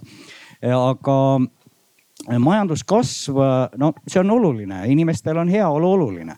me ei saa öelda lihtsalt, et nüüd kuskil no näiteks noh, me kogu aeg kaalume ju näiteks sedasama, et äh, palju riik investeerib või palju ta valab äh, nagu riigi raha kuskile teatud sektoritesse. see on ka see kuumendamine, et seal peab olema mõistlik äh, öelda lihtsalt mustvalgelt jälle, et oi, et riik peab panema, ma ei tea, võtma jälle sadu miljoneid või miljardeid laenu ja kütma kuskile. siin ongi see mõistlikkus tuleb ette ei, ei tohi, siis ta kuumeneb üle ja lõpuks kannatab seesama inimene, kes maksab kõrgemat hinda ükskõik milliste teenuste või, või asjade eest, kui me kuumendame majanduse üle. et siin peab olema tasakaal. aga kuidas jõuda sinna, minul see, minul see vastus puudub, et, et me lihtsalt ütleme ja mõistame üksikisikuna, ühiskonnana, et me peamegi vähem tarbima. et me peame vähem tarbima. mina ei ole seda veel kuskil maailma otsas näinud ma arvan, et Euroopa Liit, kes eh, nüüd selle oma kliimapoliitikaga tegelikult seab teatud eesmärke, tegelikult annab selle signaali võib-olla esimesena maailmas. aga vastuseid nendele küsimustele ka ei ole. praegu ei ole võimalik öelda niimoodi, et peatame majanduskasvu, et vaatame, kuidas hakkama saame. aga seal on noh, ütleme siis kasvõi Eesti tingimustes võtta eh, noh, võrdleme neid palkasidki ja sissetulekuid, eks ju. mis saab nende inimestega, kelle sissetulekud on väiksed, kui majanduskasvu ei ole see ei ole üks-ühene vastus ja seda ei juhtu homme ega ülehomme. aga millal me jõuame sinna, ma ei tea mina olen tegelikult äh, üdini pessimistlik, et, et see muutus tuleb läbi mingi kataklüsmi. Ähm, ja ma tahtsin midagi veel öelda, aga siis mu juhe, juhe jooksis kokku jah, ühesõnaga, et poliitiliselt väga raske maha müüa ja siin ongi noh, näide on see, et meil sai laua peal vesi otsa, me võime mitte nõustuda sellega, et vesi sai otsa, aga vesi sai otsa. juba on janu. aga meil on võimalus ümber jagada oma klaasidest vett ja vaadata, et äkki lõpuni saame hakkama väiksema vee tarbimisega. ja nii edasi. jah, jah, jah no ilmselt see on ikkagi seesama suur siire, eks ole, mis ei juhtu, ei juhtu täna ega homme, juhtub pikema aja jooksul, aga see, kuidas me defineerime head elu.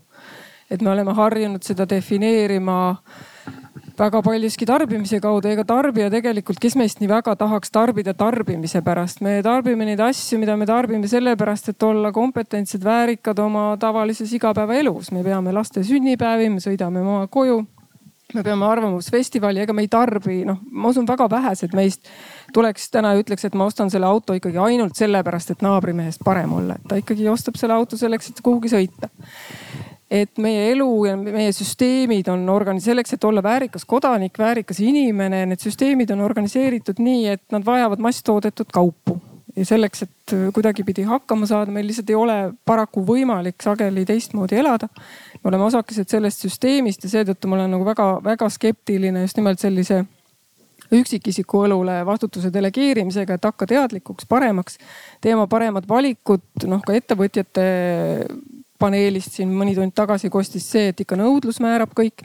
mina ei usu, et nõudlus üksi kõik määrab, et, et tarbijal on, üksikul tarbijal on alati palju vähem informatsiooni ja palju vähem võimu kui on ettevõtjal või poliitikul, et, et see on ikkagi mõlema, mõlema poole koostöö ja noh, kui me hakkame tasapisi head elu võib-olla defineerima näiteks mitte raha järgi, vaid palju meil on aega. siis ma võib-olla olen juba nii vana, et ma väärtustan rohkem aega, et oleks mul rohkem ainult vaba aega, siis ma ei peaks nii palju töötama. et, et võib-olla sellised väärtusnihked on ka need, mis, mis hakkavad üsna kiiresti juhtuma.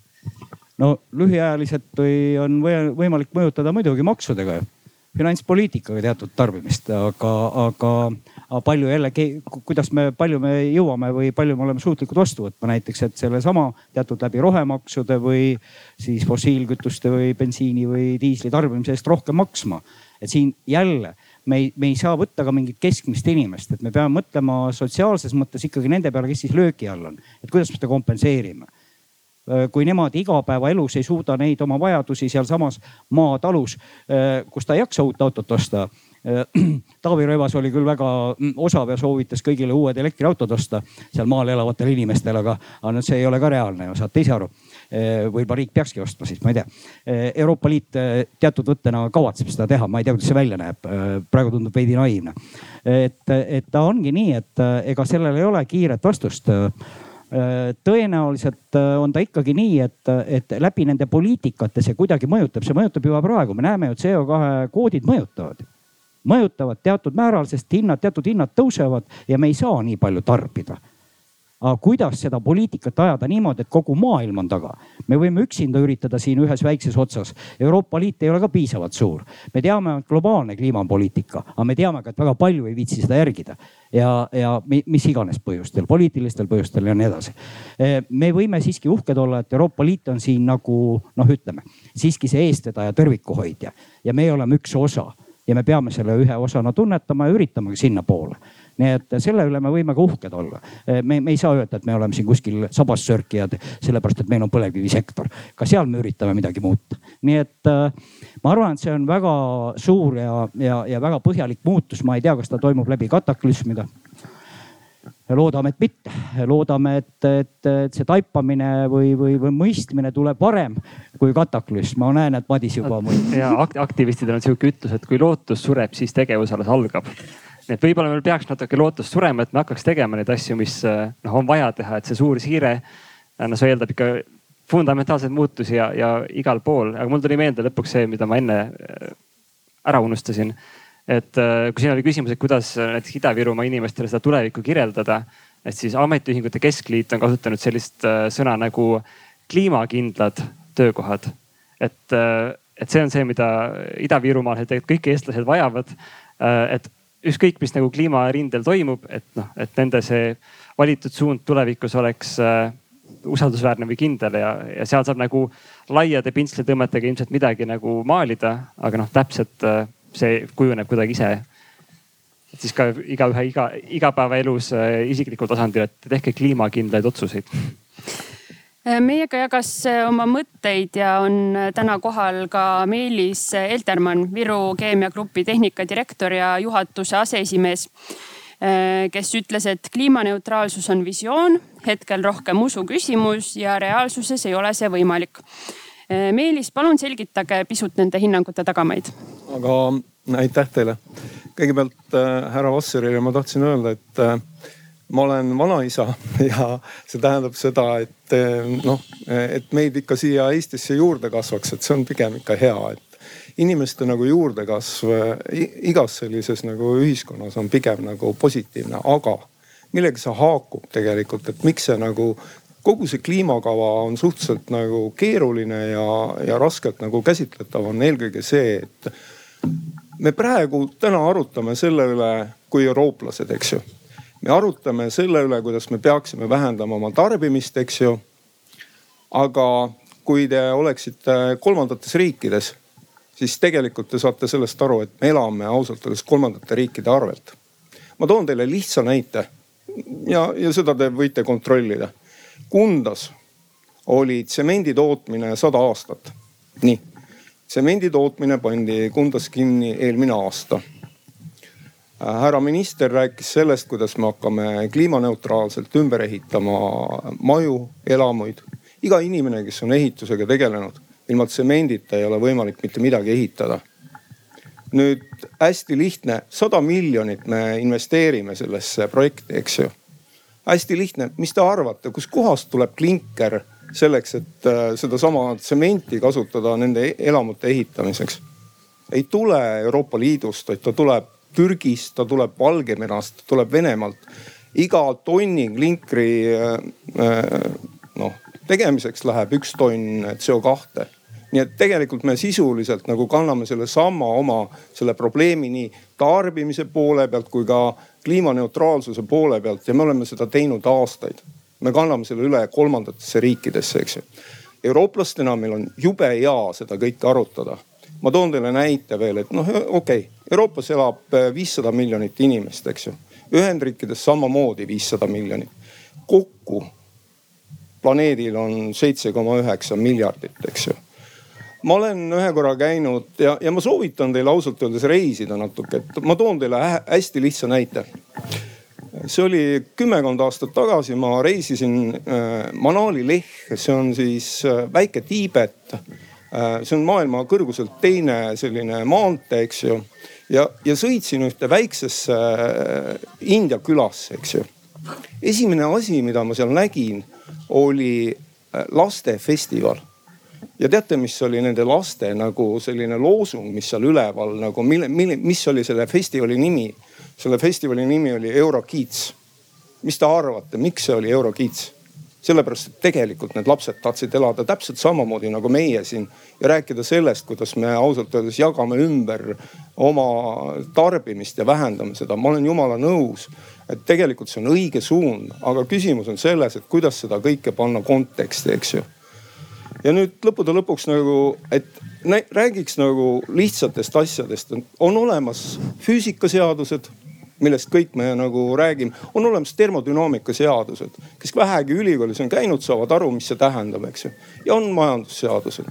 kui me oleme pikka aega rääkinud Ida-Virumaa nagu probleemidest, siis tegelikult probleem on ju selles, et millise lisandväärtusega nagu kaupu või tooteid või mida me toodame, et, et selleks, et hästi elada, vot täna me elame sellepärast hästi, et meie tootmine on kõrge lisandväärtusega ja tänu sellele võime, võimaldab see meile seda, mida meil täna on, eks ju nii kui me vähendame seda lisandväärtust, mida me tegelikult suudame oma toodetesse ja konkurentsivõimesse panna see tähendab tegelikult seda meie ela, elatustaseme langust, eks ju. et mul on nagu alati küsimus, et kus on need nagu lahendused ja mis on need lahendused. et lihtsalt inimestele öelda, et okei okay,, et teil on elektri hind kallinenud kaks korda, eks ju, võrreldes eelmise aastaga. ja see on kliima, äh, ütleme poliitika tulemus, see on fakt, eks ju. hea küll vähendame seda elektri tarbimist, aga kas te olete nagu mõelnud nendele inimestele, keda, keda see tegelikult lööb igapäevaselt tugevalt, eks ju vot see on seesama empaatia küsimus, mida, mida ma ausalt öeldes nagu tahakski nagu teile esitada, et, et alati selliseid küsimusi tuleks vaadata natukene laiemalt ja mitte ainult omaenda selles heaolu mahlas, kus me ise täna elame. niisamamoodi nii Rootsis, ükstaspuha kus, siin Eestis et minge natuke ja vaadake, proovige näiteks ülejäänud viiele miljardile selgeks teha, et nad tarbiksid vähem. aitäh teile. aitäh, Meelis nii, kas teil tekkis mingisuguseid mõtteid vastuseks, mida sooviksite jagada? no minu mõte tekkis, et, et see tõesti on mingisuguse progressi märk, kui meil on väga palju ökoärevusega noori ühiskonnas. aga kas see on see progress, mida me tahame? ja teiseks, et noh, seesama nullsumma mäng, et, et kelle, kelle elu peaks kallimaks minema, et kas see on siis see tavainimene, kes on juba piiri peale aetud või see on suurtööstur, kes võiks natukene oma kasumit vähendada. et äh, mõlemale on valus, aga võib-olla suurtöösturile on vähem valus. mõtted, mis minul tekkisid, on see, et ma lugesin hiljuti ühte artiklit. Äh, jällegi ma ei ole, ma ei ole insener aga seal oli välja arvutatud siis nende samade tarbimiskoridoride, millele ma ennem viitasin võtmes siis nii-öelda energia tarbimine, küll džaulides, eks ole, mitte megavatt-tundides, energia tarbimine, et küttkorilane tarbis aastas noh per capita oli see vist viis gigadžauli. ja, ja täna ja umbes tuhat kaheksasada viiskümmend siis noh, nii-öelda enne selle suure tööstusprogressi hüppelist kiirenemist oli see umbes kakskümmend ja nüüd tänapäeval, see on nüüd maailma keskmine, aga see kõik, see meie heaolu on, eks ole, sinna sisse arvutatud, on siis kaheksakümmend. Ja selle artikli mõte oli siis see, et just nimelt nende nii-öelda, nad konstrueerisid sellise nii-öelda decent living või enam-vähem siis viisaka, viisaka äraelamise teatud sellised noh, normid on, võib-olla kõlab halvasti, aga sellised jah, ikkagi arvulised väärtused kümnele miljardile inimesele aastal kaks tuhat viiskümmend ja, ja said siis tulemuseks noh, kõikvõimalikud erinevad andmebaasid, mida nad seal kokku panid. Et on võimalik ikkagi need kümme miljardit inimest umbes neljakümne gigadžauliga per capita aastas nii-öelda ära toita, katta, harida, sotsiaalkaitset pakkuda, et, et tänaselt kaheksakümnelt neljakümnele, kümme miljardit. see on lihtsalt arvutuskäik, loomulikult see täna kõlab absoluutse utoopiana aga, aga teistpidi noh, puhtarvutuslikult on see jah võimalik, järelikult kui me unistame ja võtame selle visiooniks, et aastakümnete pärast noh, siis võib-olla on see inimestele siiski tehtav ja just nimelt ma olen selles mõttes väga nõus, et on äärmiselt silmakirjalik eh, minu enda poolt ka istuda autosse ja sõita maakoju. et, et ma me kõik siin, eks ole, tarbime seda heaolu ja jutlustada teistele, et teie seda ei saa. noh, see, see niimoodi ei saa minna, sellepärast on, on, ongi see pilt palju komplekssem, palju pikaajalisem. ja seda ühte head kiiret vastust, et kuidas, kuidas homme kõik olema hakkab, seda ei olegi, aga see on inimeste teha. ega selles suhtes ma ei ole nõus, et majandusseadused ja füüsikaseadused on üks ja sama, majandusseadused on inimeste tehtud majandusmudel on inimeste loodud konstruktsioon. see on kultuuriline nähtus, see ei tule taevast. Et me saame ilmselt luua ka teistsuguseid majandusmudeleid ja teistsuguseid väärtussüsteeme, et see on inimeste kätes, aga see ei juhtu homme, vaid pikema aja jooksul. ja no teatud arengud on ka vastuolulised, näiteks äh, me räägime ju digiühiskonnast, digiriigist äh, ja kogu aeg äh, kanname üle järjest suuremaid mahtusid, vaadake, kuidas meie telefonid ja arvutid ja kõik arenevad. Aga teate, mis väga palju energiat neelab, needsamad serveripargid, kus need andmed siis seisavad või liiguvad. Eh, tohutut energiat ehk eh, üks energianõudluse kasv tuleb tegelikult digi, eh, digiarengutest. kuidas seda lahendada jälle, mina ei tea, kuidas me õpime mitte nii palju kasutama või või mitte nii palju digiprügi kuskile üles toppima, ma ei tea. selle Margiti arvutusele tahtsin öelda, et, et kui no see, mida sa refereerisid, et jah, tõesti osadel tuleb see tarbimine alla, aga teistel tõuseb, on ju nad saavad seal keskel kokku. et kui me räägime, kui ma räägin siin tarbimise vähendamist, ma räägin konkreetselt heal järjel eestlastest, mitte Bangladeshist. et seda alati meeles pidada, mitte kasutada sihukest head ähmast äh, hajutustaktikat? Meil ei ole enam äh, palju aega jäänud, kuskil äh, kümme minutit, et äh, võib-olla nüüd on aeg jälle mõneks küsimuseks, jah. aitäh. kas see töötab? kas ma olen kuulda? jah. ma mõtlesin tulla tagasi selle tänase küsimuse püstituse juurde, et miks see nii palju haiget teeb, et et inspireerusin siin sellest arutelust, et oma lugu võib-olla jagada või perspektiivi ka ja eelkõige just äh, ka Anette alguse küsimus, et, et mis see kliimakriis siis kõikidele inimestele tähendab siin Eestis, et, et mis see siis mulle tähendab näiteks. et alustades võib-olla kaugemalt, et mulle, mulle väga meeldib see elu, mida me siin elame, mida ma iga päev elan, ma naudin seda nii palju rohkem, kui ma tean, mis tähendab kliimakriis. et äh, mulle meeldib käia Arvamusfestivalil, astuda suvel sisse mõne, mõnesse kohvikusse, nautida ühte head kohvi või kahvelatet. ja tegelikult ei ole vahet, see võib olla ka, see ei pea olema kohvi, see võib olla ka kohalik taimetee. Ja üldsegi tegelikult ma ei pea, pea käima mööda Eestit ütleme suvel autoga, ma võin ka veeta selle oma, oma talus terve suve, ma ei pea mitte kuskil käima aga oluline on selle juures see, et ma tunneksin ennast turvaliselt. ja see on see, mida mina kõige rohkem pelgan kliimakriisi juures. et ma tulevikus ei tunne ennast enam turvaliselt Eestis, Eesti, Eestimaal, Eesti riigis ja üldse ehm, see, mis meid ees ootab, ma ei arva, et see on väga kauge tulevik, sest ma näen iga, iga, iga päev uudistes, mis maailmas toimub ja, ja kuidas see meid hakkab mõjutama. kui see meid täna ei mõjuta, siis see, see ebastabiilsus, mis maailmas on tekkimas just kliimakriisi mõjul.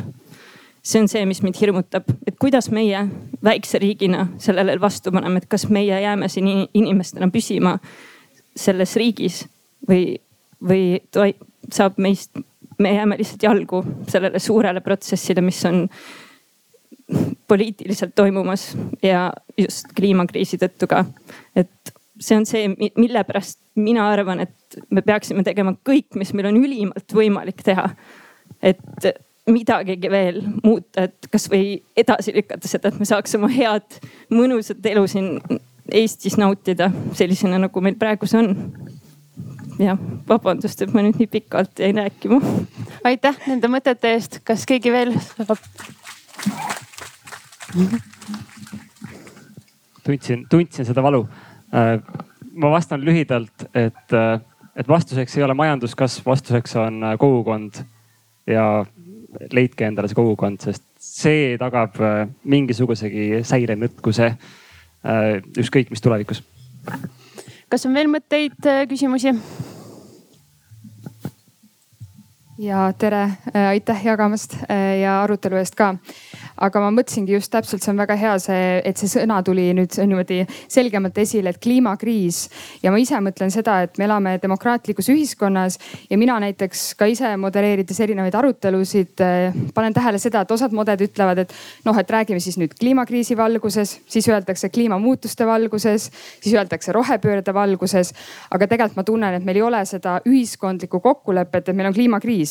Me teame, et paar riiki üritas välja kuulutada ametlikult kliimakriisi, sellele ei ole järgnenud äh, seda, mis me tahame aga ma lihtsalt küsikski panelistidelt, et kas oleks vaja või mis oleks see põhjendus piisav, et ka meie Eestis ütleks, et okei okay,, meil on kliimakriis. ja siis sealt see teine küsimus, et kas sellisel juhul on meil ka piisavalt kompetentsi. Ja miks ma seda küsin, on see, et minu arust see Covid kriis, äh, mida ma olen mõelnud, mis oli minu jaoks sümpaatne mõte, siis kui eelmine see terviseameti juht vahetati välja, siis minu arust ei olnud asi selles, et ta oli halb juht, aga ta ei olnud lihtsalt kriisijuht. ja nüüd ma mõtlengi, et kui me, mis teeb minule haiget või valu, ongi see, et me ei võta tõsiselt seda kliimaneutraalsuse saavutamist. ja nüüd küsimus ongi, kas kliimakriisi väljakuulutamine või mis oleks see, mis nüüd davai, meil on kiire, meil on seda kompetentsi vaja sihuke mõte? mul on hästi lühike vastus.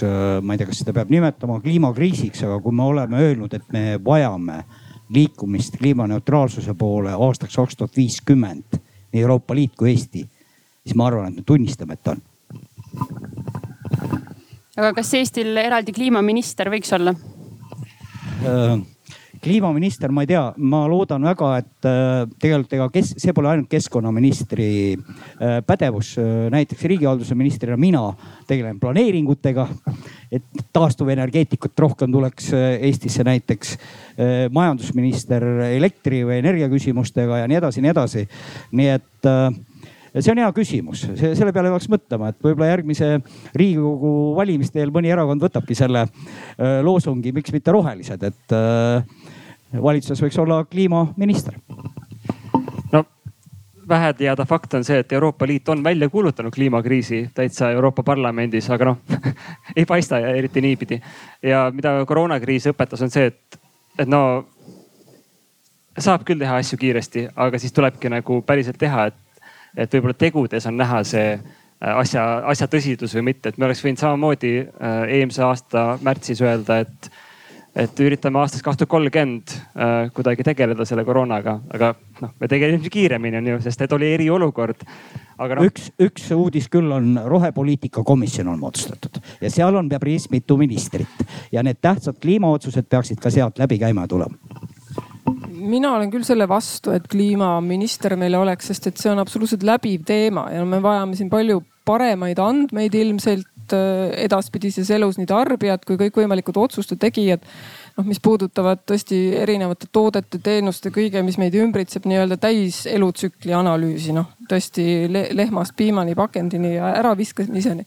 nagu siin eelnevas toidupaneelis räägiti, eks me, et me saaks kõikidel tasanditel teha teadlikumaid valikuid. et et, et kui me noh, Eestil on, mida ka meie see, millele ma varem viitasin, see ekspertküsitlus näitas, et meie silotornid püsivad ikkagi suhteliselt kõrgelt ja, ja, ja kindlalt, et, et selline ekspertsuse jaotamine erinevatesse üsna hermeetiliselt eraldatud äh, kuubikutesse on meile üpriski omane, et kui me loome veel kliimaministri, siis me ütleme, et kõikides paneelides edaspidi räägib kliimast ainult tema ja see ei ole kellegi teise asi. nii et see kindlasti oleks, oleks pigem, pigem halb kui hea, et, et jah, see teema ja mitte ainult ka kliima, võib-olla ka ökosüsteemid tervikuna ja, ja, ja elurikkus. et see jääb võib-olla natuke selle kliimavarju, need on omavahel väga tihedalt ju seotud, et, et need teemad absoluutselt kõikidesse, kõikidesse eluvaldkondadesse ja, ja, ja andmepõhiselt. mulle tundub, et ühe küsimuse jõuame veel, kui keegi soovib ma lihtsalt tahaks kommentaari mõttes lisada, et äh, maakondades on äh, tulemas ja algamas kliima ja energiakavade koostamised. Äh, Tartu linnas on näiteks olemas, meie maakonnana nüüd tahame järgi minna ja kutsun inimesi üles julgesti nendes aruteludes osalema, et see on see koht, kus te saate anda oma panuse. ja see on ka see koht, kus me saame siis kaasata ka kogukonda ja mõelda koos ja tegutseda koos. jah, aitäh märkuse eest, et kliimaenergia kava mis viimati kinnitati Eestis kaks tuhat üheksateist aasta lõpus, läheb uuendamisele. arvestades ka Euroopa Liidu ettepanekuid. kas need ettepanekud sada protsenti kõik käiku lähevad meie koha pealt, oleneb läbirääkimistest. ja need läbirääkimised tõenäoliselt ei saa olema kerged ja neid arvamusi ka liikmesriikidel on väga erinevaid. ma arvan, et sellest kliimapaketist esimesed osad hakkavad võib-olla jõustuma kaks tuhat kakskümmend kolm, kui me räägime lähiaastast või lähiaegadest. aga ka Eesti kliimaenergiakava läheb uuendamisele, nii et ühinen selle kutsega, kõigil on võimalus osaleda. hästi nobedasti ma küsin meie panelistidelt siis viimase küsimuse täna Ehm, noh, nagu me oleme siin rääkinud, siis iga inimese panus kliimakriisi on, on erinev ja ka võime seda kliimakriisi pidurdada on erinev. et eh, kuidas teie mõtestate, mis teie konkreetselt, eh, teie suurim võimekus, teie suurim võimalik panus kliimakriisi pidurdamisesse on? mina tahaks ikka teadust teha ja, ja erinevate inimestega rääkida, et ma arvan, et see kui me, kui me natukene suudame oma teadusrühmaga kaasa mõelda, mudeldada neid erinevaid võimalikke sekkumisi ja, ja tõesti otsustajatega kõneleda, et kuidas võiks ühiselt paremini lootust kaotamata tegutseda, et see on üks ja teine asi, et ma kolisin oluliselt väiksemale elamispinnale. et see on minu isiklik panus. Mhm, aitäh. no mina olen viimased kolm aastat pannud sellisesse äh, kliimamuutuste leevendamise töösse oma aega ja oma närvirakke ja võib-olla selle aja jooksul ma olen natuke suutnud peenhäälestada seda, seda protsessi. Äh, ja ma näen, et edaspidi ma panen oma aja äh, kohanemisse. Äh, sest mulle tundub, et sellega tegeletakse vähem ja see on samal ajal järjest olulisem isiklikul tasandil ma olen maapoiss ja päris askeetlikes tingimustes üles kasvanud selles mõttes, et ise pidi tööd tegema. alates sellisest põnnist, eks ju, kõik tuli oma majapidamisest.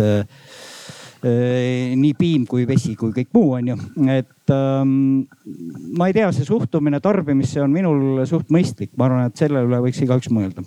et kui ta poodi läheb ja riiuli ees seisab, et kas mul on seda järgmist asja vaja Äh, alati võiks seda mõelda ja mina mõtlen ausalt öelda, mul on see mõtlemine sees, et kutsun teisigi ülesse. aga mis puudutab töökoha poolest, äh, väga palju väljakutseid, taastuvenergeetika arendamine on paljuski planeeringute taga seal on ka omaette konfliktid. ühelt poolt me tahame taastuvenergeetikat, teiselt poolt on seal keskkonnamõjud ja neid tuleb tasakaalustada ja mõelda, kuidas see kõige paremini välja näeb. ja, ja muidugi noh, konkreetselt nii nagu Jan siin noogutab, tegeleme selle õiglase ülemineku kavaga, kui me räägime Ida-Virumaast ja põlevkivist ja üleminekust nii suur aitäh, Jaak, Margit, Madis, Andra, Meelis ja kõik, kes te täna siin olite ja kaasa mõtlesite. loodame, et siis me ei lähe siit ära täiesti lootusetu tundega, sest eh, mis meil siis üldse enam jääb. aitäh, et tegevus, kaasa mõtlesite. just aitäh teile ja, ja ilusat eh, õhtu jätku. selge see,